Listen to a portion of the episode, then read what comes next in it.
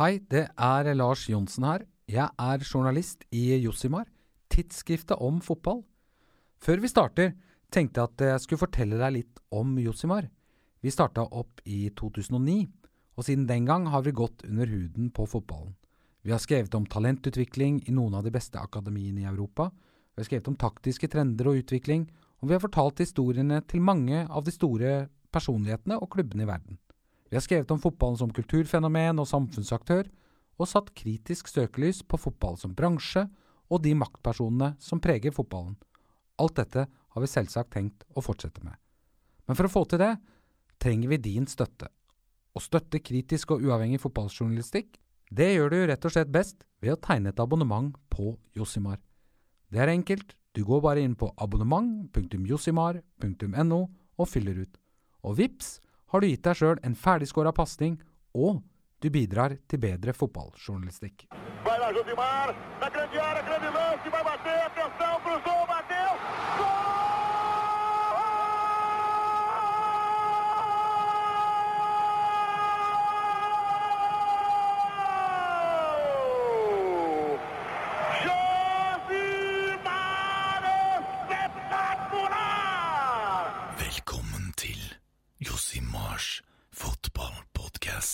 Høsten 2013 ble profilerte ledere i norsk fotball frifunnet for grovt bedrageri i en rettssak som fikk enorm medieoppmerksomhet. Var det en korrekt avgjørelse? Dette er Josimars dokumentar om Stengel Gunnarsson-saken. De frikjente av Lars Johnsen og Håvard Melnes. Lest av Lars Johnsen. Kapittel 4 En konstruksjon for å holde prisene nede?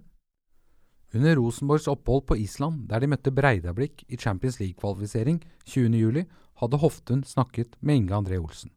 Hoftun hadde forstått samtalen som en invitasjon til også å komme med samme avtaleforslag som Stabæk og Vålerenga hadde blitt enige om. Én million kroner i overgangssum for Gunnarsson og fire millioner kroner for en kjøpsopsjon på Herman Stengel. Hoftun diskuterte dette med Nils Skutle og styremedlem Morten Loktu. De var av samme mening at dette ikke var en løsning Rosenborg kunne være med på. De ringte Rosenborgs advokat Christian Norheim for å høre hans mening om dette tilbudet, står det i avhøret av Hoftun. Han ble også spurt om det lå føringer rundt prissettingen ved tilbudet som gjaldt Gunnarsson og Johan Andersson. Sportsdirektøren gjentok det han hadde fortalt påtalenemnda. Det var Stabæk som hadde bedt om fordelingen på 1 million kroner for islendingen og 4,25 millioner kroner for svensken. Rosenborg-ledelsen mente dette hang sammen med Nancys krav på 50% av overgangssummen ved videresalg av Gunnarsson. Vitnet svarte at IAO kom med føringer før RBK kom med budet. Dette skjedde per telefon mellom vitnet og Olsen. Nils Skutle og vitnet ble enige om å sende et samlet bud til tross for ønske fra Stabæk om oppdeling. Føringene var på 1 mill. for VPG og 4,25 for JA, før de sendte det samlede budet. Det var slik Stabæk ønsket det. RBK ønsket å gi en samlet sum for spillerne, men etter påtrykk fra Stabæk kom vitnet med fordelingen. RBK skjønte at budet på 1 mill. for VPG var grunn av avtalen Stabæk hadde med Nancy. De kunne ha fått 2,5 for VPG. Det viktigste for RBK var å være med på budet fordi de visste at Stabæk forhandlet med Vålerenga. Én million kroner for Veigard Pall Gunnarsson var halvannen million lavere enn Rosenborgs første bud. Var det en konstruksjon for å holde prisen nede, spurte politietterforskerne. Ja, det var det, svarte Hoftun. Under rettssaken gjentok Erik Hoftun at Andersson Gunnarsson var en konstruert overgangspakke. Vi skjønte i overgangsprosessen at det ville være omtrent umulig å kjøpe Gunnarsson alene. I en startfase sa jeg vi var beredt til å gå opp mot fire millioner, sa Hoftun fra vitneboksen. Dommer Nils Ole Bay fulgte opp. Ville Rosenborg ha kjøpt Andersson alene for 4,25 millioner? Nei, ikke for den summen, svarte Hoftun. Betyr det at det er en sammenheng mellom de to avtalene? spurte dommeren. Ja. Andersson likte dårlig å være en del av en pakke. Den pakken handlet mer om Veigard enn meg. Vi kom aldri så langt at det skjedde noe. Mens jeg tenkte på en mulig overgang, ble Veigard enig med Vålerenga. Da døde det ut, sier Johan Andersson i dag. Etter sesongslutt 2011 var han i forhandlinger med Rosenborg om en overgang. Nå kunne han ha gått gratis til Trondheim. I stedet gikk han gratis til Lillestrøm, ca. tre måneder etter å ha vært gjenstand for et bud fra Rosenborg på 4,25 millioner kroner. I Lillestrøm fikk Andersson, ifølge Inge André Olsen under rettssaken, 100 000 kroner i måneden i grunnlønn, sign-on-fee på 500 000 kroner, en lojalitetsbonus på 1,3 millioner kroner for hele kontraktsperioden og 9000 kroner i kampbonus for hver kamp han startet eller kom inn som innbytter før pause. Jeg passer på, ser du. At Veigard Pall Gunnarsson var enig med Rosenborg om lønnsbetingelsene, var allment kjent 26. juli. Skjer med Palla, er det opsjon på Herman i Trønderriket nå, eller? Skrev Hans Jørgen Stengel i en SMS til Jim Solbakken 27. juli 1646. Åtte dager etter at Jim Solbakken hadde fått beskjed av Inge André Olsen om å informere Hans Jørgen Stengel om at det var solgt en opsjon på sønnen hans til Vålerenga, visste Stengel ingenting. Nei, ingen opsjon, jeg passer på, ser du, svarte agenten litt senere samme dag. Jim Solbakken benektet altså overfor faren at det forelå en opsjon på den mindreårige sønnen han representerte, selv om det motsatte var tilfellet. I Vålerenga lurte de også på hva som skjedde. Kontroll? spurte Martin Andresen på SMS til Truls Håkonsen 28. juli klokken 11.47.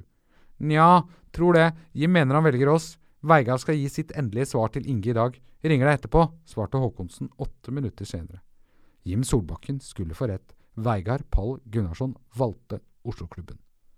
Ser ut til at Veigard velger enga, tre mill. i lønn, skrev Lars Holte Sørensen i en tekstmelding til Tor Q. Aasrød 28. juli klokken 18.30. Ok, da blir RBK forbanna, skrev Aasrød. På kvelden 28. juli gikk SMS-ene med nyheten om at Veigard valgte Vålerenga rundt i Stabæk-miljøet. Men opsjonsavtalen om Stengel ble ikke kommunisert ut. Er dette saken om Veigard og Stengel? Finnes det et utkast til denne? spurte Ingebrigt Sten Jensen i en tekstmelding til Holte Sørensen 29.07. Sten Jensen forberedte en artikkel til Stabæks hjemmeside. Ja, Inge har laget et utkast, sender denne på mail. Stengel forteller vi ikke noe om, kun en opsjonsavtale mellom to klubber, svarte Holte Sørensen rett etterpå. Da er sagaen om Veigard ferdig, han har skrevet under forhenga, offentliggjøres trolig i løpet av kvelden, fortrolig inntil da, siste kamp søndag, Erik skrev Erik Lo i en SMS til Jarl Øverby 29.07. kl 15.09. Øverby skulle overta som klubbformann etter Erik Lo da sistnevnte ble innstilt til straff av påtalenemnda i oktober. Han var rett og slett best. Veigard Pall Gunnarsson klar for Vålerenga, meldte TV 2 lørdag 30.07. Klubbene hadde allerede forhandlet fram en overgangssum som skal ligge på mellom tre og fem millioner kroner men Gunnarsson var i utgangspunktet mer lysten på å gå til Rosenborg, skrev TV-kanalen på sine nettsider. Vi er veldig godt fornøyde. For det første er Veigard etter vår oppfatning en av Norges desidert beste offensive spillere, sa Truls Håkonsen til VG-nett. Ifølge VG så Vålerenga på Veigard Pall Gunnarsson som en optimal løsning på sine offensive problemer. Avisen satt også på informasjon om at Gunnarsson var en del av en pakke, men det avviste Inge André Olsen. Etter det VG Nett forstår, har det vært aktuelt med en mulig pakkeløsning med andre spillere, men Stabæk sportssjef Inge André Olsen avkrefter at flere spillere enn Veigard Pall Gunnarsson er solgt til VIF. Til nrk.no fortalte Håkonsen at enn Vålerengas noe sviktende offensive form denne sesongen gjorde det ekstra viktig å hente Gunnarsson.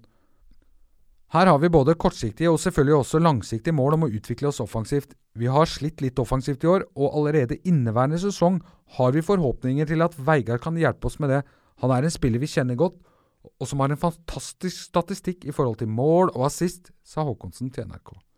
Søndagen kom, og Gunnarsson skåret to, la opp til ett og var banens beste med åtte på VG-børsen da Start ble slått 4-1 31. juli. Ingebrigt Jensen holdt tale til ære for islendingen og overrakte ham en Stabæk-drakt. For en avskjed! brukte Asker og Bærums Bustikke som overskrift og skrev som regel er det meget upopulært blant supporterne når en av lagets spillere signerer for en av erkerivalene midt i sesongen, men ikke i dette tilfellet. Stabæks support begynte allerede rett etter avspark å hylle Veigard Pall Gunnarsson. Da lagene kom ut på banen etter pause, holdt de opp et banner med 'Takk, Veigard, ses vi igjen?' Og hyllesten fortsatte så lenge islendingen var på banen, og han fikk stående applaus da han ble byttet ut seks minutter før slutt. At publikum kåret ham til banens beste spiller, kom ikke som noe stort sjokk, men det var ikke mindre fortjent av den grunn. Han driblet, han slo gjennombruddspasninger, han skåret, og han serverte klare målsjanser. Han var rett og slett best, skrev Aftenposten. Gunnarsson herjet i avskjedskampen, brukte Dagbladet som tittel. Etter at de hadde sunget nasjonalsangen til minne om terrorofrene etter 22. juli, stemte de i Veigard Pall Gunnarsson-sangen, og utover i kampen runget den igjen og igjen på Fornebu. Det var slettes ikke uten grunn. Han driblet, han slo gjennombruddspasninger, han skåret, og han serverte klare målsjanser. Han var rett og slett best, skrev Federlandsvennen. På 16 kamper i 2011 for Stabæk skåret Gunnarsson ni mål og hadde fem assist. Fra 1. august var Veigar Pall Gunnarsson Vålerenga-spiller.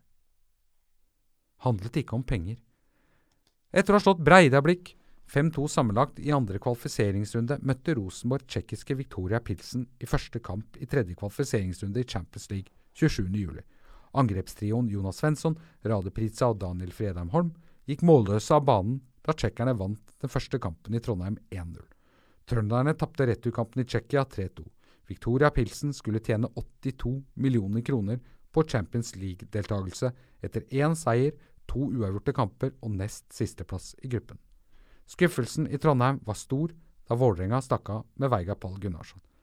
Vi la inn et bud på Gunnarsson som jeg tror var høyere enn det han ble solgt til Vålerenga for. At uh, han ikke ble RBK-spiller, føler jeg ikke handlet om penger, men dette må du spørre Stabæk om, sa Nils Skutle til Adresseavisen. Nå har ikke jeg vært involvert i denne saken, eh, slik at jeg kan ikke uttale meg kategorisk, men Stabæk er ikke en situasjon vi kan si nei til den som betaler mest penger, sa Ingebrigt Sten Jensen kategorisk i samme artikkel.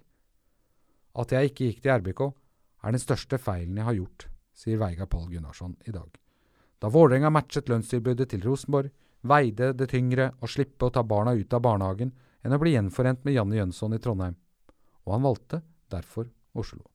Allerede ved offentliggjøring av Gunnarssons overgang til Vålerenga skrev VG at overgangen involverte en mulig pakkeløsning med andre spillere. TV 2 siterte Nils Skutle på at grunnen til at Gunnarsson valgte Oslo-klubben, til slutt ikke handlet om penger, men det skulle gå enda et par måneder før overgangssaken sprakk i mediene. Dualmodellen Norske fotballklubber kan ikke organisere seg som selskap. De skal, i henhold til idrettens lover, være selvstendige idrettslag. Utover 1990-tallet, da kommersialiseringen og lønningene i norsk fotball skjøt fart, var det økt behov for kapitalinnskudd.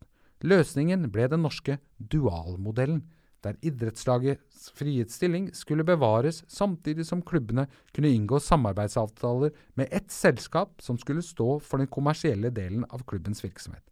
Spillere og det sportslige apparatet må være ansatt i idrettsklubben, og kun de valgte organene i idrettsklubben kan ta avgjørelser som angår det sportslige.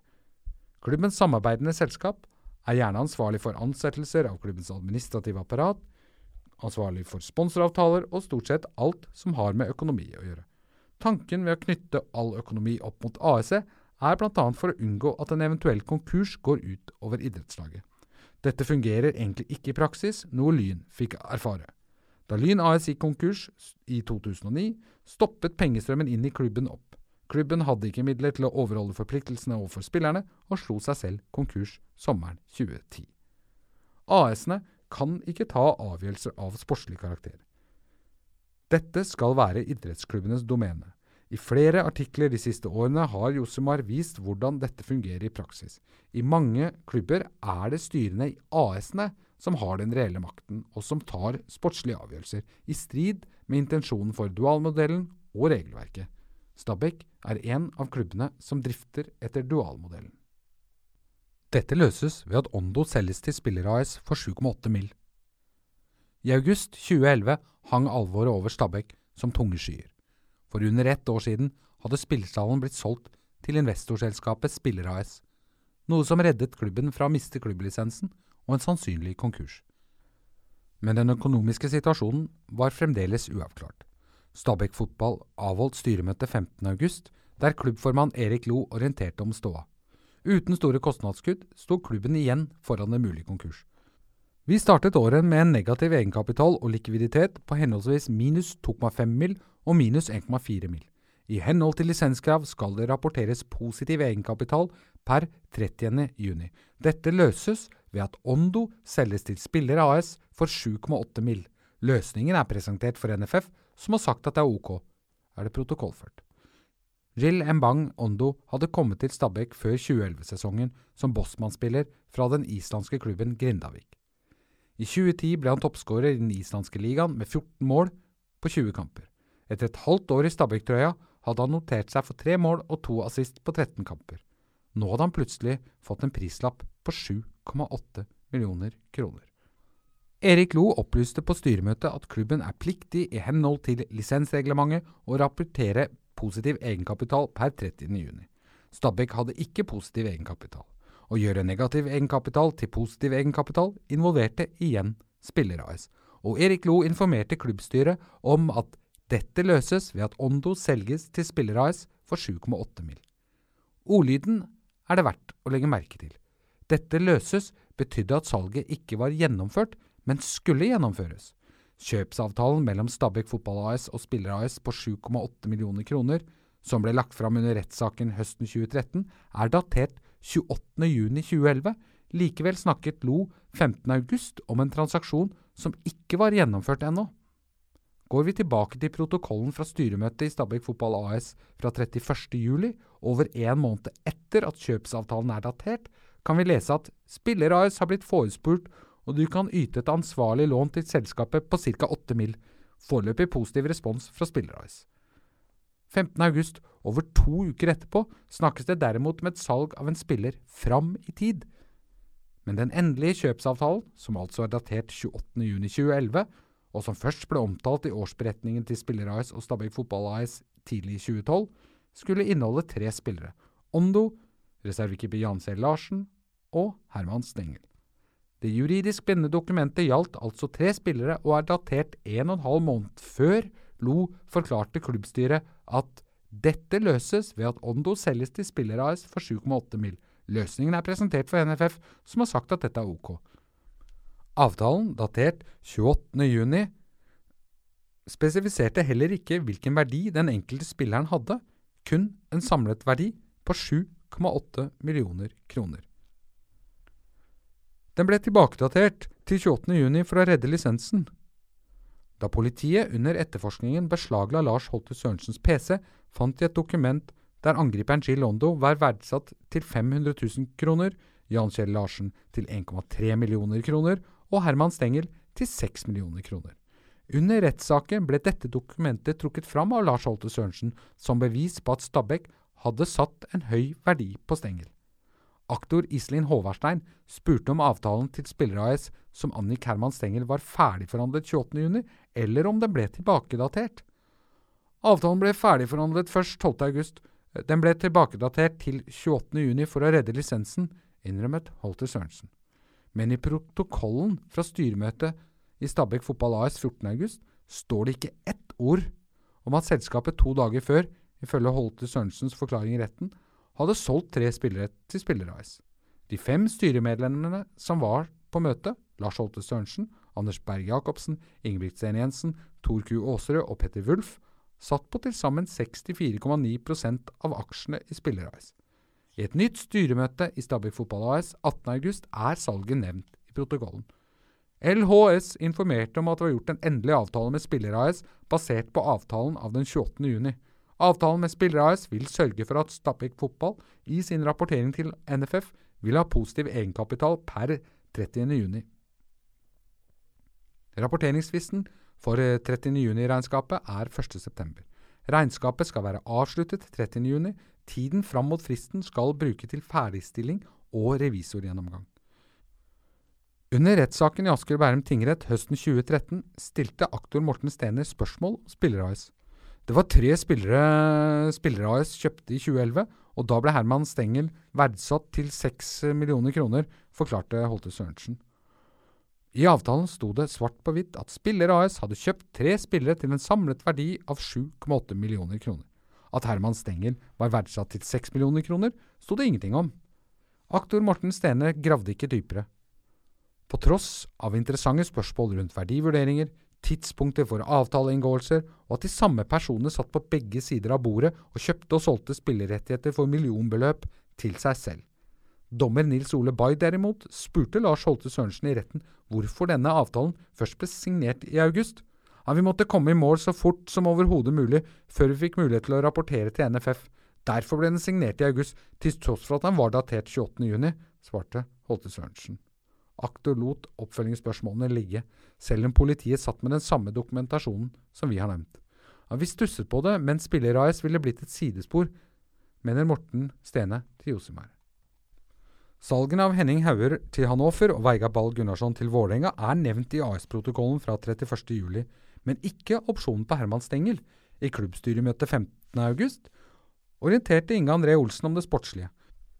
Spillerstallen til A-laget er tynn etter salgene av Henning H og Veigar PG, og gjennomgikk spillerne på utgående kontrakter. Ingenting ble nevnt om opsjonen på Herman Stengel. Sportslig utvalg hadde hatt møter noen dager tidligere, 10. august. Heller ikke der ble Stengel-opsjonen nevnt. I tiden mellom 30. juni og 18. august hadde Stabæk solgt en kjøpsopsjon på Herman Stengel til Vålerenga til en verdi av 4 millioner kroner, samt solgt ham til Spiller-AS for 6 millioner kroner, uten at det var nevnt i noen av styreprotokollene. 18. august spilte Stengel fortsatt for Stabæk 2 i andredivisjon. Inge André Olsen informerte sportslig utvalg per e-post 5.9 om spillere på utgående kontrakter. Johan Andersson har hatt konkrete samtaler med angående lønnsnivå og lengde på avtale, har skissert en modell hvor han er sikret grunnlønn 500 000 og en personlig prestasjonsrettet bonus på ca. 500 000 med full uttelling. Johan ønsker å avvente, og sier han kan tjene det dobbelte i RBK. Dette er jeg iskald på, da min opplevelse av samtalen med RBK var at de ikke ville ha Johan, men måtte ta ham for å få Veigard, skrev han. Inge André Olsen gjentok dermed internt det samme som Rosenborg-lederne hevdet, at tilbudet på Johan Andersson i realiteten hadde handlet om å kjøpe Veigard Pall Gunnarsson. Herman Stengel ble ikke nevnt i redegjørelsen. I politiavhøret med Lars Holte Sørensen 20.12.2011 ble han spurt om hvorfor Stengel-avtalen ikke var omtalt i styreprotokollen av 31.07. Salgene av Veigar Pall Gunnarsson og Henning Hauger var nevnt. Trolig fordi HH og VPG reduserte Stabæks driftskostnader betydelig, svarte Holte Sørensen. Politiet spurte videre om ikke et kapitaltilskudd på 4 millioner kroner også ville være av betydning. Siktede svarte at 4 mill. er mye for Stabæk, men det påvirket ikke driftsbudsjettet, fordi det var Spiller-AS som eide rettighetene til spilleren. Dette inkluderte HH, VPG og HS, kan vi lese i avhøret. Med den logikken som grunnlag ville ingen overgangssummer hjelpe Stabæks økonomi, ettersom overgangsvederlaget tilfalt Spiller-AS, et selskap der Holte Sørensen selv var største aksjonær. Stabæks eneste oppside ved salg var, etter Holte Sørensens uttalelser å dømme, kutt i driftsbudsjettet. Er dette vanskelig å forstå? Opsjonsavtalen med Vålerenga ble inngått 19.07, men ingenting var underskrevet, og Stengel-familien var fortsatt ikke informert. Stabæk hadde heller ikke fått inn noen penger. 23.9 sendte Inge André Olsen en mail og purret Vålerengas administrerende direktør Pål Breen. Olsen hevdet at han ikke fikk tak i Truls Håkonsen. Fra Inge André Olsen til Pål Breen. Emne kjøpsopsjon på Herman Stengel. Sendt 23.9.2011 klokken 14.38. Hei, Pål. Jeg henvender meg til deg da jeg aldri får tak i Truls verken på telefon eller mail. Kan du sørge for å signere kjøpsopsjonsavtalen vi har inngått, og returnere den til meg? På forhånd takk. Med vennlig hilsen Inge André Olsen.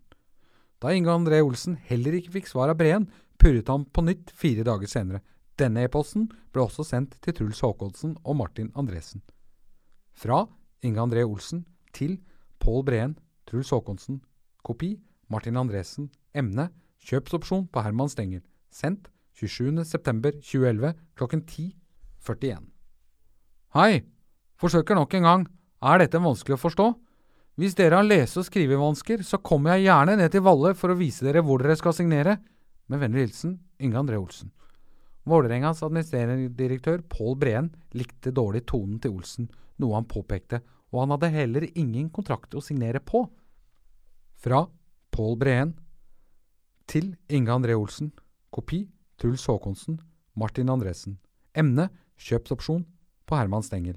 Sendt 27.9.2011 kl 12.16. Jeg sendte denne mailen til Truls samme dag som en påminnelse. Jeg håper du forsøker å være artig og ikke veldig frekk, som det synes i denne mailen. Jeg pratet med din daglige leder når du var på ferie, og Truls lå hjemme med lungebetennelse. Mitt spørsmål til Jon Tunhold den uken du var på ferie, var om dere hadde skrevet under en kontrakt da den ikke lå her. I tillegg spurte jeg om forfall kunne settes til 15. oktober. Dette ble akseptert. Pratet med Truls nå. Han sa han hadde forsøkt å nå deg uten hell. Han viste meg sin telefonlogg, som også kan tyde på at det er flere enn én som er vanskelig å få tak i. Jeg foreslår at du nå sender over en signert, korrekt kontrakt til oss. Med vennlig hilsen Vålerenga Fotball, Pål Breen. Ifølge Josimars kilder i Vålerenga tok Truls Håkonsen knapt en avgjørelse uten å ha Pål Breen i ryggen. E-posten viste at Breen aldri hadde sett noen opsjonsavtale for Stengel, noe som også Breen senere forklarte i sitt vitneavhør hos politiet. Det var først da den ble sendt fra Stabæk i etterkant av ovenstående e-postutveksling at han fikk se innholdet i avtalen.